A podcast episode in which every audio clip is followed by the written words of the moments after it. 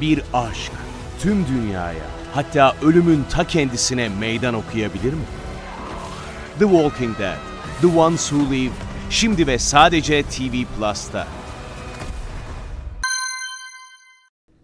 Selamlar arkadaşlar, Sinematris'e hoş geldiniz. Bu haftaki programımızda sinemasal açılımların 3. bölümünü yapıyoruz ve karanlık taraftan bahsedeceğiz arkadaşlar. Çok keyifli bir konu, çok derin bir konu ve hep filmlerde böyle anıldığı gibi hani e, karanlık tarafın cezbediciliği, ya bu konu üzerine yapılacak sohbetlerin de içerdiği bir şey aslında. Gerçekten çok cezbedici bir konu. Üzerine konuşmanın çok keyif vereceği, üzerine sohbet etmenin insanı besleyeceği bir konu gerçekten. Çünkü çok derin açılımları var ve karanlık tarafı konu edilmiş filmlerin de çok net böyle belirgin ortaklıkları var.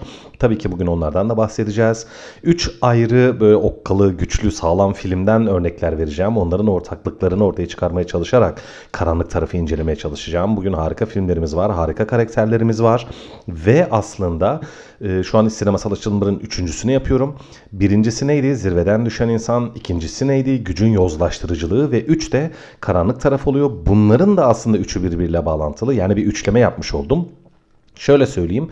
Zirveden düşen insanda belirli zayıflıkları olsa da aslında erdemli insanların ve erdemli amaçlar peşinde koşarak zirveye çıkan insanların öyküsünden biraz bahsetmiştim. Gücün yozlaştırıcılığındaysa daha çok çok da erdemli olmayan amaçlarla güçlenen insanların ya da güçlenme süresince erdemlerini kaybeden insanların öyküsünden bahsetmiştim. Yani birbirinin zıttıydı aslında onlar bazı açılardan. Ya bazı açılardan ortaklıkları olsa da temel motivasyon olarak birbirinin zıttı taraflardan bahsetmiştim. İşte bugünse gerçekten bu iki tarafın ortaklığından ya da tam ortasında merkezinde yer alan karakterlerden bahsedeceğim. Bir anlamda bakarsanız karanlık tarafın öyküsünü yaşayan karakterler yani karanlık tarafa geçen karakterler iki tarafa da benziyor aslında. Yani hem zirveden düşen insana benziyor hem de gücün yozlaştırıcılığına maruz kalan insanlara benziyorlar. Önemli olan aslında onların ortaya çıkışları ya da akıbetleri değil. Yani zirveden düşmeleri ya da yozlaşmaya maruz kalacak bir güce sahip olmaları öyküsü değil aydınlık taraftan karanlık tarafa ya da erdemli taraftan biraz pürüzlü ve şüpheli tarafa geçişlerinin öyküsü oluyor aslında bu. Karanlık taraf evet çok cezbedici.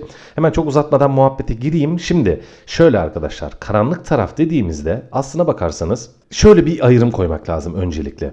Güçlü insan vasıflı insan hani bir noktaya çıkmış belli bir güce erişmiş zirveye erişmiş insan başka bir şey erdemli insan başka bir şey arkadaşlar e, zirvede düşen insan bölümünü yaparken bahsettiğimiz, örnek verdiğimiz karakterler işte Iron Man'den örnek vermiştik, Doctor Strange'den örnek vermiştik ya da Batman'den örnek vermiştik. Şimdi bunların hepsi hayatlarında bazı sıkıntıları, sorunları, bazı kötü tarafları, pürüzlü tarafları olmasına rağmen temelde erdemli insanlardı ve hani sahip oldukları gücü neticede erdemli niyetler için, iyi niyetler için kullanan insanlardı ve güçlerini elde ediş süreçleri de aslında bir anlamda hem kendilerini kanıtlama ve yani kimseyi düşmanlık yapma anlamında değil. Hani e, güçlenme sebepleri bu değildi. Düşman edilmek ya da düşmanlarla mücadele etmek değildi. Üzerine oldukları konuları, çalıştıkları konuları ya da kafa yordukları konularda zirveye çıkmaydı temel olarak bakarsanız gücün yozlaştırıcılığında çok da erdemli olmayan ya da başta öyle görünse de o erdemin kaybedildiği bir süreç vardı. Ama bu insanların hepsi güçlü insanlardı bakın. Güçte problem yok yani ortada bir güç var.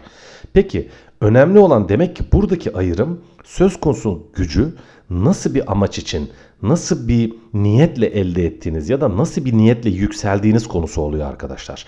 İşte karanlık taraftaki karakterler bunun ortasında yer alıyor. Nasıl? Şöyle. Hemen filmlerden gidelim aslında. Çok kavramsal konuşmayayım böyle.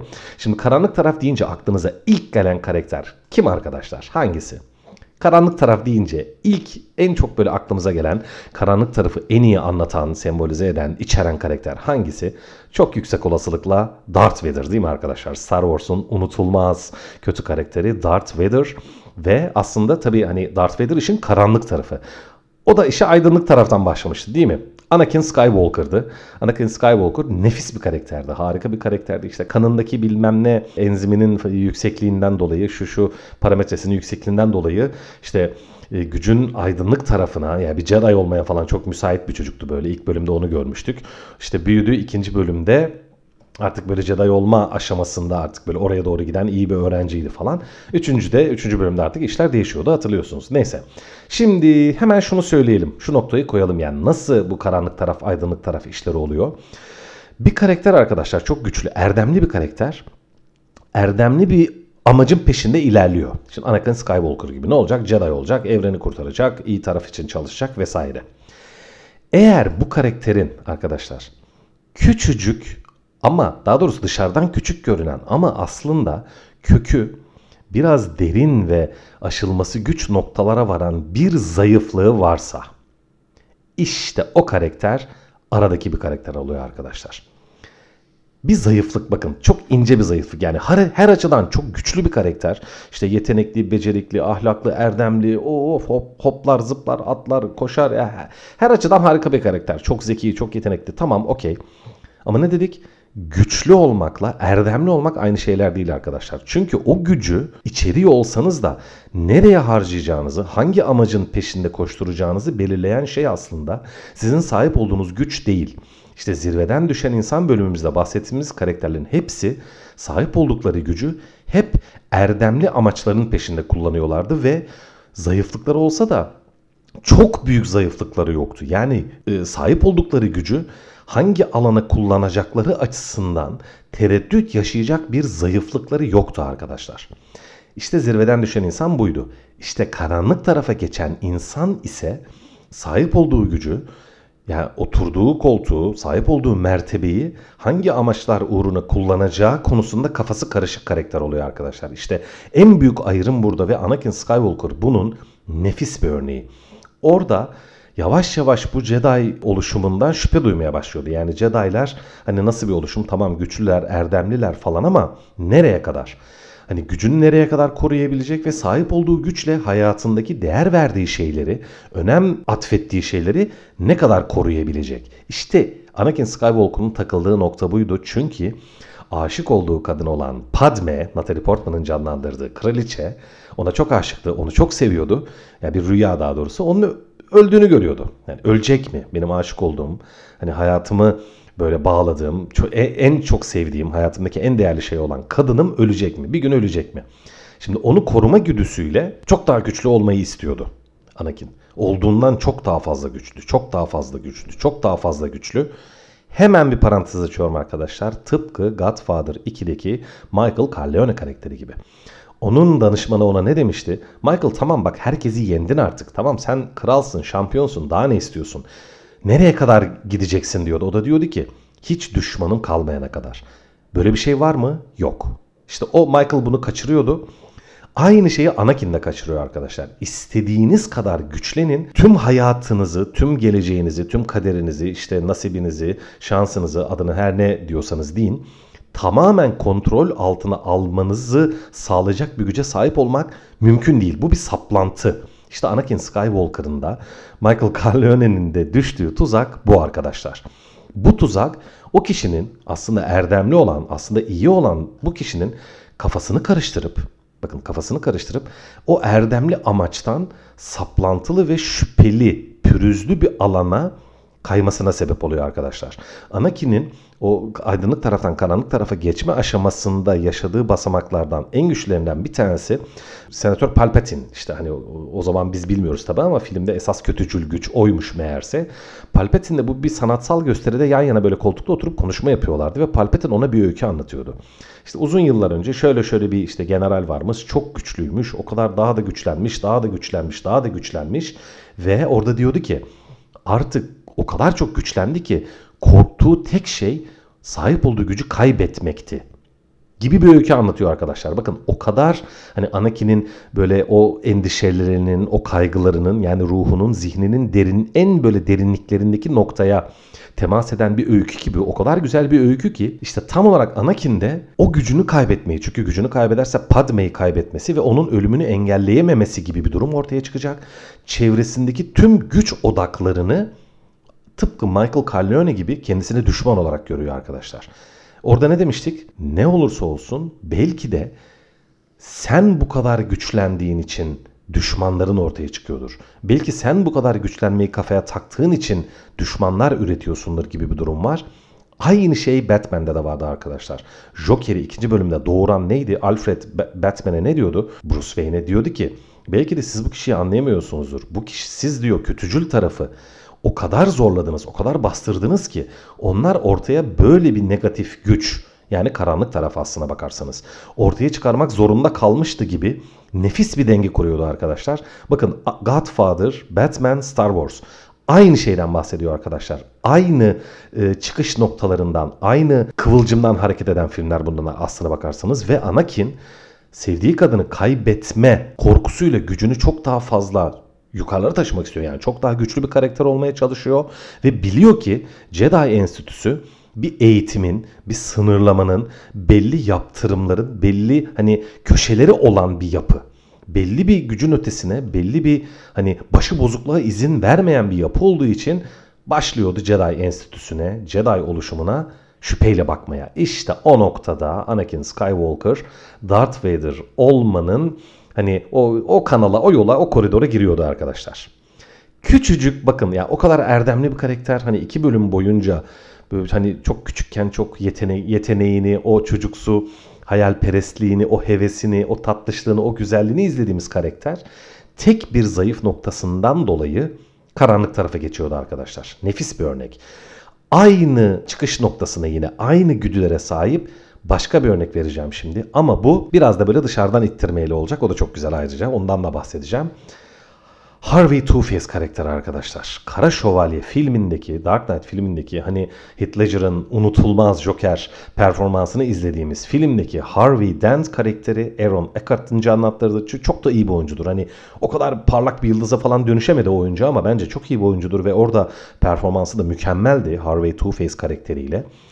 O da şimdi bakın Bruce Wayne hani filmde tema olarak neydi? Şimdi Bruce Wayne hani neticede Batman. İyilikler için savaşıyor. O da inmiş çıkmış bir karakter vesaire. Tamam. Ama iyiliği temsil etse de, erdemi temsil etse de kendi içinde biraz e, karanlık bir tarafı olduğu için hani öfkeyle yola çıkan bir karakter aslında. Erdemli amaçlar için çalıştı her zaman. Bir süper kahramana dönüştü ama annesinin babasını kaybetmenin e, üzüntüsüyle bir süper kahraman dönüştüğü için aslına bakarsanız aydınlık yüzün temsilcisi olamıyor. Bakın bu çok ince ve güzel bir şey. Batman'in kendi içerisinde yaşadığı çok güçlü çelişkilerden bir tanesidir bu. İyi bir karakterdir, erdemli bir karakterdir, iyilik için çalışır, kötülere karşı savaşır ama kendi yüzü karanlıktır.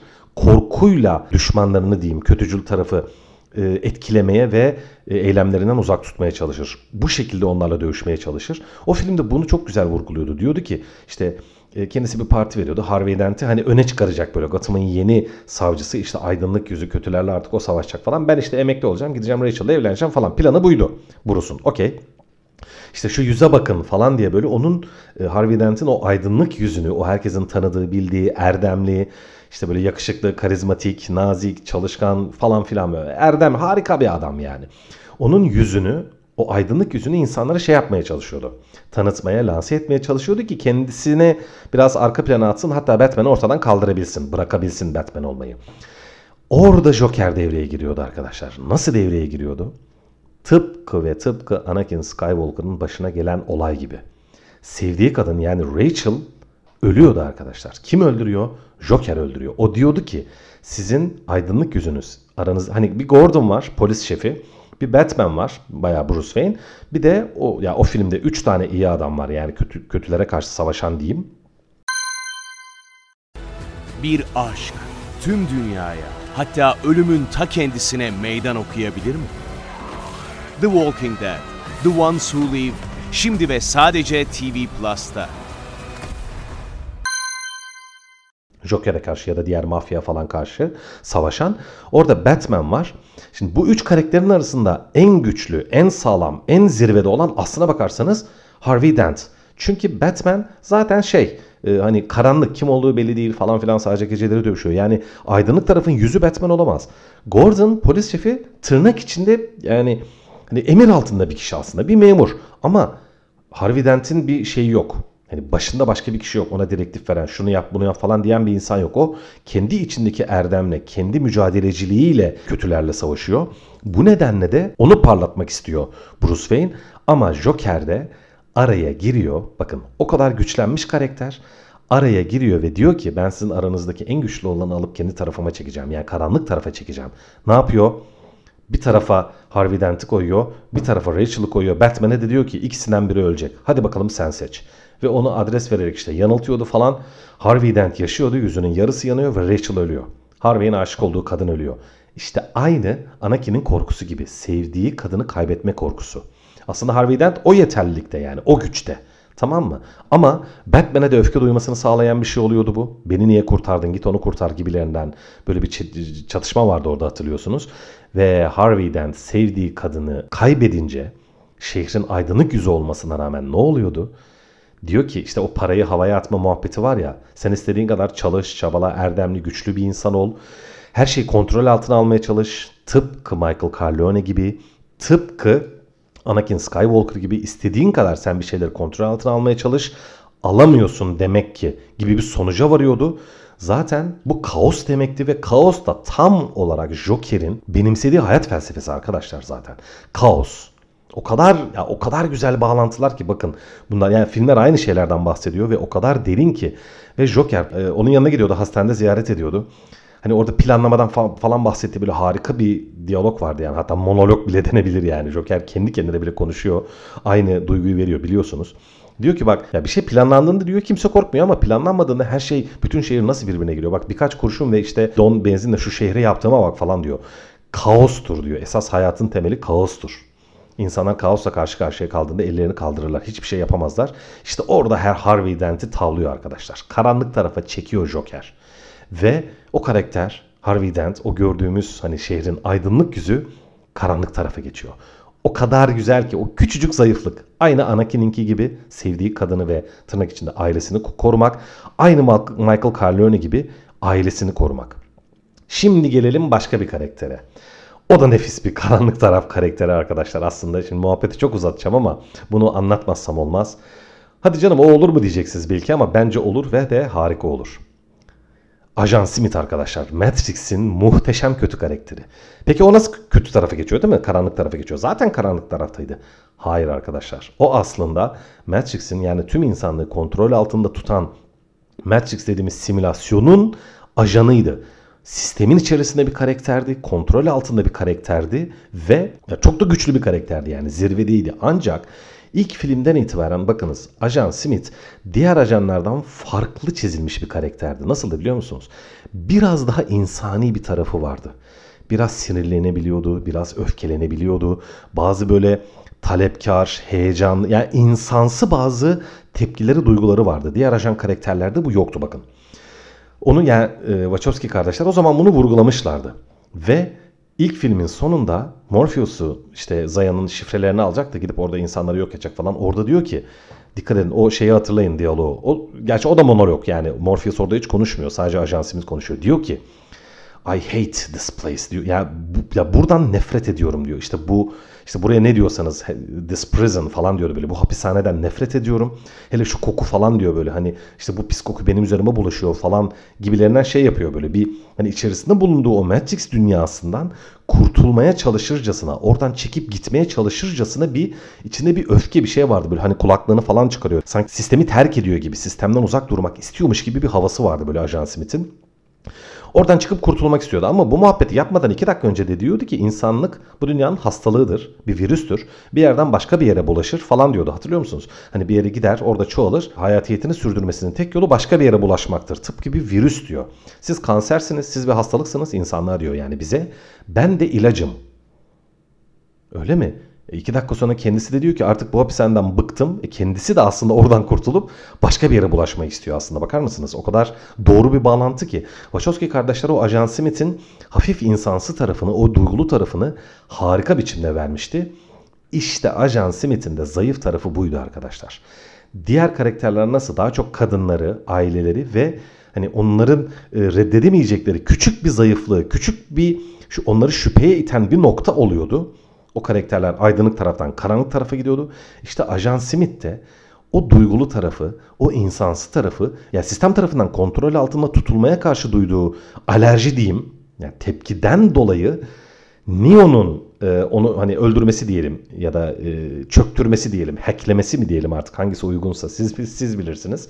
Ondan dolayı sistemin dışına çıkıyordu ve önüne çıkan her şeyi yok etme üzerine inanılmaz bir e, böyle şey hırs kaplıyordu içini. Bu neye benziyor arkadaşlar? Aynı Anakin Skywalker'a. Anakin Skywalker nasıl Jedi'lik enstitüsünün belli disiplinler, belli sınırlamalar, belli öğretiler altında icra edilen bir e, meslek ya da hani bir hayat anlayışı olduğunu gördüğü ve bu ona yetmediği için karanlık tarafa Sith yani Sith Lord'u olma tarafına geçiyor ve tabi Darth Vader oluyor sonunda. Aynı Ajan Smith de öyle arkadaşlar. Çünkü Anakin nasıl sevdiği kadını korumak için sınırsız bir güç istiyorsa ve Jedi'lik sınırlı bir güç ise çünkü belli kısıtlamalar altında işte Ajan Smith de Matrix'in yani o sistemin sınırlarını aşan bir güç istiyor. Sınırsız bir güç istiyor ve gücüyle karşısına çıkacak her şeyi yok etmek istiyor. Aynı ve aynı Michael Corleone gibi. O da sistem yani insan açısından her şekilde karanlık taraf. Yani ister sistemin bir parçası olsun, isterse sistemin bir virüsü olsun. Bizim için fark etmiyor insan açısından ama sistem açısından bakarsanız, Matrix açısından bakarsanız, Matrix'in en büyük silahlarından biri olan Ajan Smith sistemin karşısına geçiyor arkadaşlar ve Matrix'i yok edecek seviyeye geliyor. O kadar yükseliyor. Öylesi yani öyle bir karanlık tarafa geçiyor. Öyle söyleyeyim size. Nefis bir karakter Ajan Smith'te karanlık tarafa geçme açısından bakarsanız nefis bir öyküsü olan ve diğer hani işte Michael Corleone dedim, Harvey Dent dedim, işte Anakin Skywalker dedim falan. Bunların hepsiyle nefis ortaklıklar barındıran bir yapay zeka diyelim. Hani bir yazılım diyelim.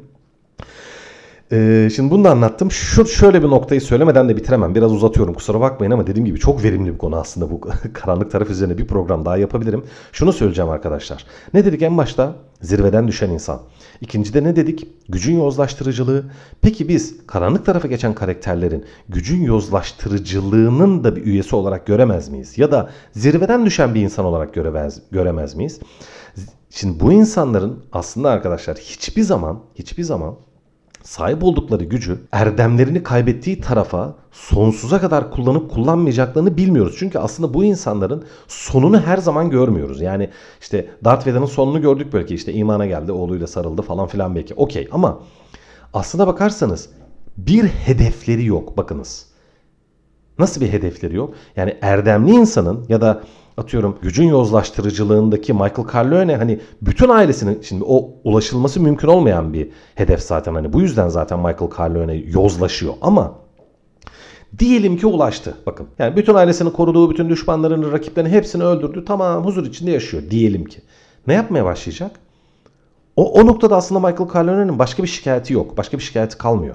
Ama gücün karanlık tarafına geçen karakterlerin arkadaşlar aslında kafa karışıklıkları devam ediyor. Yani aslında belki de ilerleyen bir zamanda iyi tarafa da geçebilir. Bakın karanlık tarafın biraz ya da karanlık tarafa geçen karakterlerin o arada kalır kafası var dedim ya hani bunlar erdemli olarak geliyorlar dedim ya. Anakin başta çok erdemli bir karakterdi. Harvey Dent başta çok erdemli bir karakterdi. Ya da Ajan Smith sistemin bu parçası, sistemin en güçlü parçasıydı hatta. Bunlar en başta aslında karanlık tarafta değil dediğim gibi tek bir zayıflıkları tek bir kişisel zayıflıkları sebebiyle karanlık tarafa geçiyor. Ama bu karakterlerin tekrar aydınlık tarafa geçip geçmeyeceği üzerine bir garanti yok. Yani aslında sonları ve akıbetleri tam olarak belli değil. Neredeyse aslında Matrix'te 3. filmin sonunda hani Ajan Smith tüm sistemi çökertecek güce geliyor falan da Neo onu gelip yeniyor ve barışı sağlıyor ya. O son konuşmalarında falan dikkat edin. Orada biraz Ajan Smith'le e, Neo'nun birbirinin tersi zıttı olduğu ve bir anlamda bakın şimdi konuyu nereye bağlayacağım. Michael Mann'in Heat filmindeki Robert De Niro ve Al Pacino'nun NASA'da karşı karşıya oturup konuştukları sahnedekine benzer biçimde aslında bir adaletin ya da or, yani bir futbol sahasının bir hani e, spor müsabakasının karşı iki tarafındaki karakter olup ama aynı sahada top koşturdukları için aslında birbirleriyle dost ya da en azından yakın olduklarını hissettiren bir sohbete giriyorlar artık. Neo ile Ajan Smith. Hani birbirinin düşmanı onlar. Kaç defa kavga ettiler, dövüştüler, birbirini öldürmeye çalıştılar falan ama aslında ikisi birbirini doğuruyor ve yaratıyor.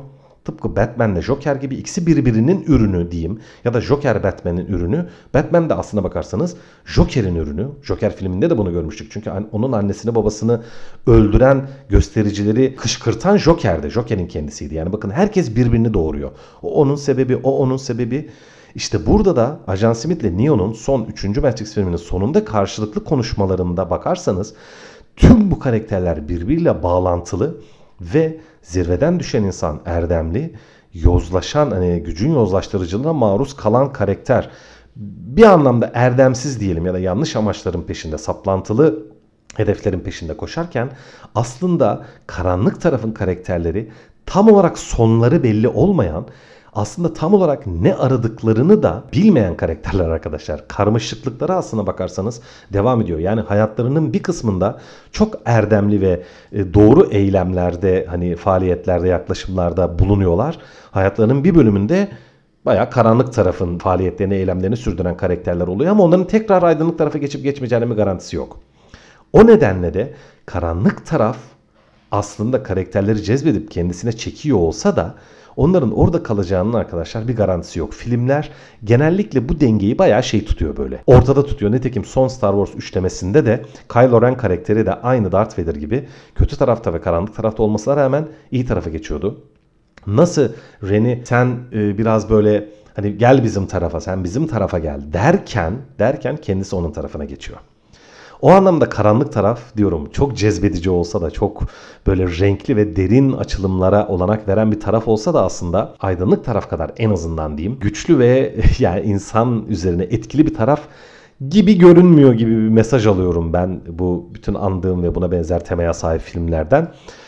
Öyle mi değil mi? Yani yanılıyor muyum, yanılmıyor muyum? Artık o sizin inisiyatifiniz diyorum, sizin takdiriniz.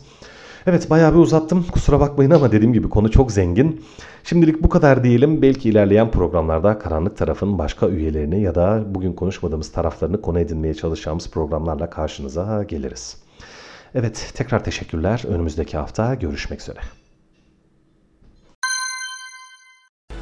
Bir aşk tüm dünyaya hatta ölümün ta kendisine meydan okuyabilir mi? The Walking Dead, The Ones Who Live şimdi ve sadece TV Plus'ta.